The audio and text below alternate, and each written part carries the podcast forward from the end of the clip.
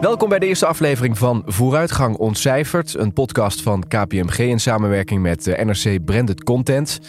Traditionele graadmeters voor succes die zijn niet langer de belangrijkste succescriteria. Toekomstbestendige organisaties die denken niet langer alleen aan omzet en aan winstgroei en aan medewerkerstevredenheid. Maar de impact die bedrijfsactiviteiten hebben op mens, milieu en de samenleving, die zijn net zo belangrijk en misschien wel zelfs belangrijker.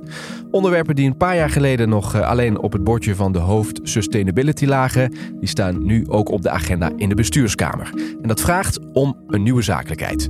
Mijn naam is Tom Jessen en in deze aflevering ga ik over dit onderwerp praten met mijn gasten. En dat zijn Stephanie Hottenhuis. Zij is sinds 2018 CEO, bestuursvoorzitter van eh, accountancy en adviesbedrijf KPMG. En in die rol dus dagelijks bezig met organisaties op weg helpen naar duurzaam ondernemen. Welkom, fijn dat je er bent. Dankjewel. En ook eh, bij ons is uh, Aniek Moner. Aniek start in oktober als voorzitter van de Jonge Klimaatbeweging. En als twintiger is ze vertegenwoordiger van een nieuwe generatie die toekomstbestendige opvattingen heeft over de nieuwe economie. Jij ook welkom, Aniek. Dankjewel. Ja, uh, nieuwe zakelijkheid. er zullen veel mensen denken, wat is dat precies? Stephanie, kun jij ons, ons op weg helpen? Wat verstaan we daaronder? Wat we daaronder verstaan is echt stevig verbinden van uh, duurzaamheid en je doelstellingen op duurzaamheidsgebied met je echte bedrijfsvoering. Dus niet, ja, de business die gaat door en dan heb je ergens een aparte, apart team of een aparte bezigheid die zogenaamd duurzaam is. Of dat je alleen maar daarover rapporteert. Maar echt inbedden en je hele strategie, je hele bedrijfsvoering, je hele keten, je hele supply chain duurzaam maken. Ja. En dat vereist dat natuurlijk, zoals jij uh, al in je uh, introductie zei, dat er daar ook KPI's bij horen. Net als de good old management uh, doelstellingen meet. Maar oké, veranderen van de doelstellingen, zodat we echt weten hoe duurzaam ben je en hoe ga je om met mens, milieu en maatschappij? Precies. Dat betekent nieuwe zakelijkheid. Daar zit ook iets in van: oké, okay, het is een soort van nieuw hoofdstuk. In ieder geval, het is iets wat anders is dan hoe het eerst ging. Wat is het belangrijkste verschil met de fase die hiervoor lag, voor die nieuwe zakelijkheid? Ik denk dat er een aantal fases zijn geweest en eh, die waren ook allemaal nodig. Het is echt een enorme transitie en daarom heb je ook voorbereiding nodig voor een nieuwe transitie. Natuurlijk hadden we echt een uh, periode waar je zag de, uh, dat extern de druk opgevoerd werd. Uh, ook bestuurders en ook bedrijven en, en ook beleidsbepalers zien wat er gebeurt. De druk die komt uit uh, millennials of de Generation Z, hè, de, de Greta Thunberg generatie. De druk die komt vanuit wetgeving. De druk die komt vanuit het nieuws. Kijk wat er gebeurd is in de laatste twee maanden. Hebben we gigantische overstroming gehad. Waar mensen hier in Europa bij buurlanden in hun huizen in hun huizen zijn overvallen. En los daarvan hadden we ook overstromingen in China, in Amerika. En natuurlijk, uh, bestuurders en bedrijven zien dat. En dat is ook een externe druk. Maar daarbij vind ik wat nieuw is, echt de intrinsieke motivatie. Dat je kijkt naar je eigen strategie en zegt: ik ga het zo kantelen, zo omkatten, dat het per definitie van binnenuit duurzaam is. Dat is denk ik nieuw. En het zoeken naar manieren om dat te doen. Uh, en de urgentie daarvan, dat vind ik echt, echt een winst. Ja, dus die intrinsieke motivatie, daar liggen natuurlijk die dingen onder die je net noemt. Die zaken die in het nieuws spelen en de ontwikkeling in de wereld eigenlijk. Ja. Um, uh, Aniek, hoe zie jij die nieuwe zakelijkheid? Ja, nou, ik ben ten eerste eigenlijk wel blij dat, uh, dat Stefanie die druk noemt hè, van, van die millennials en die Gen Z. Want dat ben jij. Dat ben ik, ja. ik en uh, veel van mijn collega's. Uh, vanuit de Jonge Klimaatbeweging proberen we die druk natuurlijk op te voeren, inderdaad, op het bedrijfsleven en de politiek. Dus ik ben ergens ook wel blij dat die ook zo ervaren wordt. Dat is goed om te horen. Um, ja, ik denk nieuwe zakelijkheid, als we misschien zelfs nog een stapje terug nemen en misschien nog wat breder kijken, is denk ik dat ze echt bedrijfsvoering gaan voeren om andere redenen. Hè? Ik denk uh, op de huidige manier, de, eigenlijk de, zakelijkheid van vandaag, is het zo dat we vooral moeten zorgen dat er zoveel mogelijk economische waarde wordt gecreëerd. En ik denk dat die nieuwe zakelijkheid ook heel veel waarde moet creëren, maar dat dat waardestukje nog veel breder is dan. Uh, dan de waarde zoals we dat nu zien. Dus. Want wat, wat, wat, hoe zou dat anders moeten dan? Nou ja, kijk, er zijn heel veel dingen die waarde hebben hè, op onze aarde. Uh, nu zien we alleen uh, nou ja, uh, briefjes en centjes als, als waarde. Maar ik denk dat heel veel waarde ook in de natuur zit en in de mens. En ik denk dat de nieuwe zakelijkheid ervoor zorgt dat, dat we die waarde ook gaan erkennen. Maar hoe zou dat dan kunnen resulteren in een nieuw model? Ja, kijk, uiteindelijk um, zijn er nu heel veel kosten verbonden aan het gebruik van natuur en nou ja, ook wel gebruik van de mens hè, binnen het bedrijfsleven. Uh, maar die kosten, daar wordt nu niet voor betaald. Uh, dat wordt nu eigenlijk gewoon gebruikt. Of in ieder geval, hè, je betaalt natuurlijk voor je werknemers. En je betaalt uh, bijvoorbeeld voor het gebruik van materialen. Maar er wordt niet zozeer betaald voor het, hetgeen wat je misschien vernielt. en als we daar gaan voor gaan betalen en daar echt die waarde zien en daar ook voor gaan betalen, dan kunnen we echt naar een, eh, naar een nieuw model toe. Ja, dat is interessant. Laten we daar zo even door, over doorpraten. We hebben ook aan mensen gevraagd van, hè, uh, gewoon Nederlanders, wat verstaan jullie nou onder vooruitgang en misschien wel die nieuwe zakelijkheid? Laten we daar eens even naar luisteren. Oh, uh, vooruitgang. Vooruitgang is voor mij eigenlijk ehm, dat we ja, dat we mensen ons eigenlijk verder ontwikkelen. En dat we kijken hoe we in toekomst slimmer, slimmer kunnen leven eigenlijk. Hè? Dan denk ik aan mezelf ontwikkelen, uitdagingen zoeken, ehm, nieuwe dingen proberen. Onder vooruitgang versta ik eigenlijk uh, de ontwikkeling om jezelf of om dingen steeds beter te maken eigenlijk. Uh, zodat je er steeds meer mee kan en steeds verder ontwikkelt. Je kan zeggen nieuwe zakelijkheid in uh, coronatijdperk, voor en na. Dus uh, dat uh, je nu veel meer vanuit huis werkt dat je, wat ze noemen, dat je nu um, hybride, het hybride werken. En uh, nieuwe zakelijkheid is natuurlijk ook veel meer technologische ontwikkelingen. En alles wat met technologie te maken heeft en de online wereld. Ja, onder vooruitgang op technologisch gebied kan je heel veel verstaan natuurlijk. soms denk ik zelf wel eens dat ik een leuke uitvinding gevonden heb. En dan ga je googlen en dan is het er al. Maar daar had ik het laatst ook met mijn huisgenoot over. Twintig jaar geleden dachten ze ook dat dit de max was, waar ze toen waren. En nu kijken hoe ver we nu al zijn. Um, dus ja, onder vooruitgang versta ik zelf allemaal nieuwe uitvindingen, uh, technologische dingen. Uh, en ik, ik, vraag me echt oprecht af waar de grens ligt, want volgens mij is die er niet. Terwijl je nu denkt dat alles er al is. laten we eens doorpraten over die nieuwe zakelijkheid. Want in hoeverre, uh, Stephanie, denk jij dat dat hand in hand gaat met ook een transitie, dat woord gebruikte jij net al, naar een nieuwe economie? Ja, absoluut. Uh, dat is niet natuurlijk voor het eerst dat de, de mensheid een transitie maakt. Deze is uh, heel erg bijzonder omdat het urgent is. Um, ik denk dat er, dat is de eerste transitie waar we daadwerkelijk een deadline hebben. Uh, die, die 4.0 transitie. En we weten dat we echt die science-based targets moeten halen. Um, en dat vind ik ook goed. Hè? Dat is vanuit uh, leadership en vanuit management optiek zijn targets daardoor ook goed, omdat het dan laat is om daar ja aan, op te trekken. Um, wat ik wel vind is dat er daar een aantal dingen echt bij elkaar komen. Um, natuurlijk, ontwikkeling van technologie is een hele belangrijke. Uh, verslaggeving en inderdaad de dingen waar jij uh, uh, inderdaad over sprak, die moeten absoluut beter, beter bemeten worden. De World Business Council for Sustainable Development is al een jaar of zes bezig om te experimenteren met natural capital. Mm -hmm. Wat is het? Hoe meet je het? Ja. En dat moet je ook allemaal weten voordat je het inderdaad daarna beprijst en ja. op die manier meet. Um, er is heel veel wetgeving in de maak uh, die het uh, inzichtelijk maakt hoe bedrijven omgaan met ESG's, hè, met environmental, societal en governance doelstellingen. Van de VN zijn die. Ja, van, en nu ook Europese wetgeving is ook in de maak. Ook voor wat kleinere bedrijven. Bijna alle beursgenoteerde bedrijven rapporteren al. Maar uh, ook kleinere bedrijven, bedrijven groter dan 250 medewerkers, moeten in de toekomst dat doen. Wat ik bedoel is dat we eigenlijk echt op alle fronten bezig zijn. Op technologie, op wetgeving. Dat is nodig voor bedrijven van, vanwege die level playing field. Mm.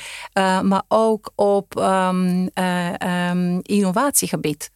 En dat echt bij elkaar met die sense of urgency. Uh, ja, ik ben positief ingesteld. maar ik denk dat, dat dat moet echt lukken. We hebben geen keus. Mm. En we hebben een deadline. En wat is die deadline? Wat kun je 2030. 2030, oké. Okay. En wat, wat, wat is er dan anders?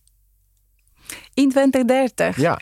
Nou, ik denk dat we, ik denk dat het wat anders is, is dat we bijvoorbeeld uh, circulair zijn. Ja. Uh, bijvoorbeeld heel veel uh, meer supply chains verwerken elkaar zijn stoffen. we boren minder grondstoffen aan. We hebben CO2 echt beprijsd dat is echt een ontzettend grote. Uh, hij is uh, heel belangrijk voor het daadwerkelijk uh, inzichtelijk maken van milieu-impact en daarvoor betalen. Um, en Heeft u er vertrouwen in dat dat echt gaat gebeuren? Ja, Die CO2-prijs, daar wordt natuurlijk al heel lang heel veel over gepraat. Maar ja, we zien het nog niet gebeuren. Juist wel omdat natuurlijk vanuit het bedrijfsleven daar best wel wat, wat mensen op tegen zijn. Maar kijk, dat is uh, de, de dilemma die we uh, hier bespreken. En daarom, uh, ik, ik daag jullie uit, blijf te drukken. Maar die dilemma die bedrijven hebben, is natuurlijk wel... We zijn over de lange termijn allemaal mee eens. Alleen de snelheid en de pijngrenzen opzoeken van de verandering nu... is dat natuurlijk iets, een dilemma die je moet oplossen. En die CO2-beprijzing is daar een heel goed voorbeeld van omdat uh, in de klimaattafel discussies inderdaad bedrijven hier in Nederland zeiden van ja, als we het alleen hier beprijzen, dan verslechtert dat onze concurrentpositie en verbetert niet het milieu. Maar als we de level playing field opzoeken in Europa en we hebben nu de Green Deal, daarom geloof ik dat het wel gaat gebeuren. Maar we moeten dat soort dingen daadwerkelijk Europees doen. Uh, Mm, ik ben niet van de, zeg maar, jij bakken in de zin van oké, eh, laat de anderen maar wat doen en ik hoef het niet. Maar dit is een hele wezenlijke, want uiteindelijk hebben we die uh, common market in Europa en dat zou echt helpen. En ik ben ervan overtuigd dat het gaat gebeuren. Jij niet, want uh... jullie accepteren het anders niet als generatie. Dus het ja. moet komen. Ja, nee. Ja. Ik, ik zeg niet dat ik per se pessimistisch ben, maar uh, ik ben misschien pessimistisch in hoe snel het gaat gebeuren. Uh, kijk, als het aan mij had gelegen, hadden we tien jaar geleden al een CO2-prijs gehad. En dat is gewoon nog niet zo. He, je ziet toch heel veel tegenstribbeling, zeker vanuit de grote industrie hier in Nederland, dat dat er gewoon niet kan komen. En ik ben wel bang dat het te lang gaat duren voordat we de echte uitstoot gaan beprijzen. Hè? En dan heb ik het niet over de uitstoot van mensen thuis die de wasmachine aanzetten. Of mensen die, uh, die graag wat willen barbecuen uh, en daar wat lapjes vlees op leggen. Nee, dan heb ik het echt over de grote bedrijven die in de Rotterdamse haven staan. Die daar gewoon op worden beprijsd. Um, ik, nou, ik hoop dat het er volgend jaar is, dat het in het nieuwe regeerakkoord staat. Maar ja, dat, dat vind ik nog even te spannend om nu al te voorspellen. En waarom ben je er bang voor dat het te lang duurt? Ik denk dat het beprijzen van CO2 echt, echt verschil kan maken. Um, en ik ben bang dat het te lang duurt, omdat we, nou ja, zoals ik zei, eigenlijk al het tien jaar geleden al moeten doen. Uh, als je het is natuurlijk geen inderdaad... eenvoudige. Het is natuurlijk een hele transitie. Hè. Dus thuis is het redelijk eenvoudig te integreren. Maar bij die grote bedrijven waar zoveel mensen ook weer verantwoordelijk voor zijn, is dat, ja. dat is een transitie die natuurlijk tijd vraagt. Ja, maar die transitie kun je versnellen met zo'n CO2-prijs. Als er een manier is om bedrijven nou echt een soort van te dwingen om stappen te nemen, dan is het uh, door te zeggen: de manier waarop jij nu bedrijf voert, is gewoon duur. Ja. wordt gewoon duurder. Dan is het vanzelf die duurzame optie wordt dan aantrekkelijker. En dan, nou ja, dan versnel je die transitie. Ik denk dat het daar eigenlijk de oplossing is daadwerkelijk dat we onderkennen dat dit beleid uh, Europees is. Ja. Um, ik merk dat daarin niet alleen in Nederland, maar ook in een hoop andere landen veel te veel behoefte is aan politieke positionering nationaal, terwijl de oplossing echt Europees is. En daarom begroet ik ook natuurlijk wel de Green Deal. Um, en uh, Europa met de soft power van regulation heeft heel veel gedaan in de wereld voor bescherming van consumenten. Um, en ik denk dat het ook die leidende rol zou moeten pakken ook op uh, milieuwetgeving. En dat, dat, dat zien we nu gebeuren met de Green Deal. En daarom geloof ik dat het daar echt een opening is om ook uh, in alle landen, want het is niet een Nederlands probleem alleen. Hè. De grootste vervuiler misschien in de EU is de uh, Poolse kolenindustrie. zij moeten ook om. Maar ik ben wel positief. Wat zie jij gebeuren bij de bedrijven die Aniek net noemt? Hè? Die grote bedrijven, want dat zijn ook voor een deel klanten van jullie als KPMG. Wat ik daar zie is dat uh, inderdaad het echt veel meer uh, een, een, intrinsieke motivatie ontstaat. Ja? Ik vroeg uh, eerst van welke fases hebben we gehad. We hebben de fase gehad waar een soort chief sustainability officer het allemaal moest uitleggen en dat er een hoofdstuk was in de transparantieverslag met hele mooie plaatjes. Mhm. Maar je ziet dat heel veel bedrijven uh, die echt leading zijn, um, ook leadership opzoeken op, uh, op duurzaamheid. Uh, we hebben best veel bedrijven in Nederland, grote bedrijven, die in de sustainability indexen heel hoog staan. DSM is een bekend geval, Axon Nobel is een bekend geval. Maar neem Philips bijvoorbeeld. Dat zijn echt cijfers. Dat is, dat, dat, dat is iets wat echt hartstochtelijk wordt bemeten door de hele keten van Philips. Ja, dus ze nemen het serieus. 90% van hun sales al, van hun, revenue, wordt gebouwd door duurzame grondstoffen. 15% is al circulair klinkt niet veel, maar het is echt volledig circulair. En daar werken ze inderdaad uh, heel erg hard aan. Maar ben jij het eens met Aniek dat het niet snel genoeg gaat? Ik ben uh, snel dat het niet, uh, mee eens dat het niet snel genoeg gaat. Uh, en daarom begroet ik ook die, die druk van binnen en van buiten. En ook de druk van de wetgeving.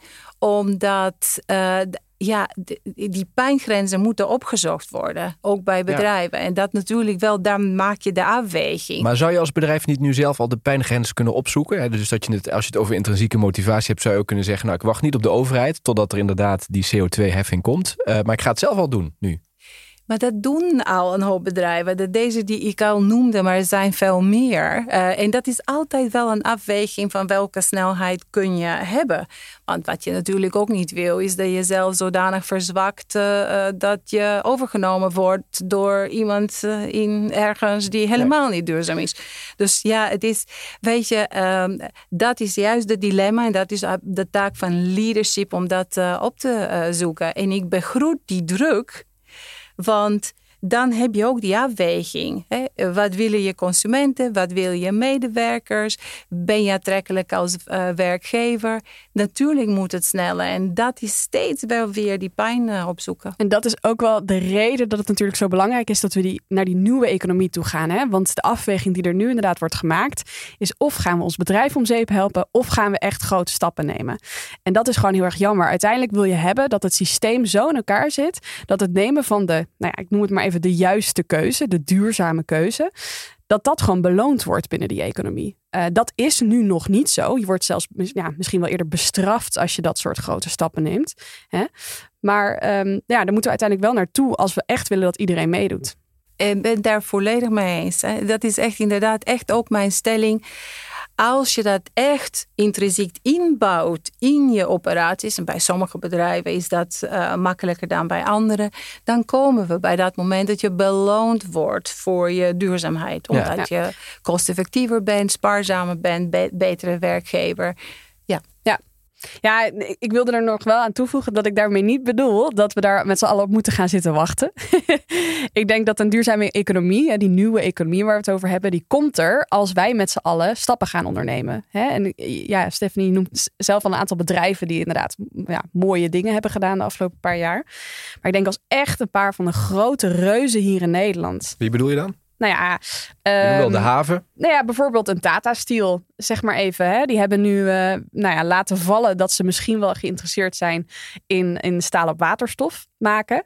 Nou ja, als zo'n zo'n bedrijf zo'n stap zou ondernemen, dat, dat, ja, dat maakt een gigantische stap uh, in de nieuwe economie. Laat ook zien aan andere bedrijven, niet alleen binnen Nederland, maar wereldwijd, dat, ja, dat ze het nodig vinden om zo'n stap te maken. Ook al wordt het misschien niet afgedwongen. Ja.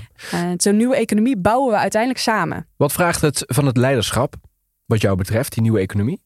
Ja, nou ja, dat soort dingen. Dus uh, stappen maken die, die je niet worden afgedwongen. Ik denk dat nog te vaak wordt er door het bedrijfsleven een beetje gekeken van... oké, wat, voor, wat voor deals liggen er?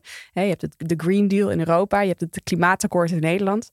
Uh, oké, wat, wat moeten we doen? En dan gaan we dat doen. Ehm, maar ik denk dat het echt politiek leiderschap, eh, eh, echt leiderschap in het bedrijfsleven. Dat laat zien dat we meer doen dan dat. Dat we echt gaan denken van oké, wat is er nodig om die toekomst eigenlijk hè, te verzekeren voor niet alleen onze eigen generatie, maar de generaties die hierna ook nog komen. En daar gaan we stappen voor ondernemen om dat te verzekeren. Ja, hoe zie jij dat, Stefanie, dat nieuwe leiderschap binnen de bedrijven om dit zeg maar, eh, je hebt een voortrekkersrol natuurlijk, hè? daar weet je alles van. een nieuwe leiderschap uh, is uh, absoluut nodig. Uh, dat is niet per se nieuwe leiders. Ook de huidige leiders die, die ondergaan zo'n zo'n transitie. En ik ben het met je eens dat het echt intrinsiek moet zijn. Maar je hebt altijd een variëteit van uh, bedrijven in de markt. Hè? Dus dat is een uh, onderdeel van de economische ontwikkeling. Maar wil je leading zijn, wil je echt een leider zijn, dan, dan pak ook je leiderschap uh, rondom thema verduurzaming. Ja. Dat ehm, vind ik heel belangrijk. Die leiderschap, um, die intrinsieke leiderschap, wordt natuurlijk ook vergroot door verwachtingen van de samenleving, maar ook van de uh, investeerders. Dat is een andere groep die heel belangrijk is uh, in de hele zeg maar transitie. Ze zijn ook wel begonnen met kijken naar sustainable investments en, en dat soort dingen, maar dat kan een tandje harder. Dat kan een tandje harder. Er zijn een aantal pensioenfondsen hier in Nederland die zich duidelijk daarover hebben uh, uitgesproken. En dat begroet ik zeer. Maar dat is echt een, een, een enorme lever voor, voor de verandering. Precies, dus jij ziet het, de intrinsieke motivatie hand in hand met de ontwikkeling op het gebied van technologie. technologie ja. ja. Uh, Stephanie Rotterhuis, uh, CEO en bestuursvoorzitter van accountancy en adviesbedrijf KPMG. En Aniek Monen, voorzitter van de Jonge Klimaatbeweging. Dank jullie wel dat jullie hier waren. Dankjewel. Dankjewel wel. En tot zover Vooruitgang Ontcijferd, een podcast van KPMG in samenwerking met NRC Branded Content. Dank aan mijn gasten en kijk ook op nrc.nl slash brandedcontent slash KPMG voor meer verhalen over vooruitgang en de blik op de toekomst. En luister ook naar de andere podcasts in deze reeks via je favoriete podcast app. Dankjewel voor het luisteren en heel graag tot de volgende keer.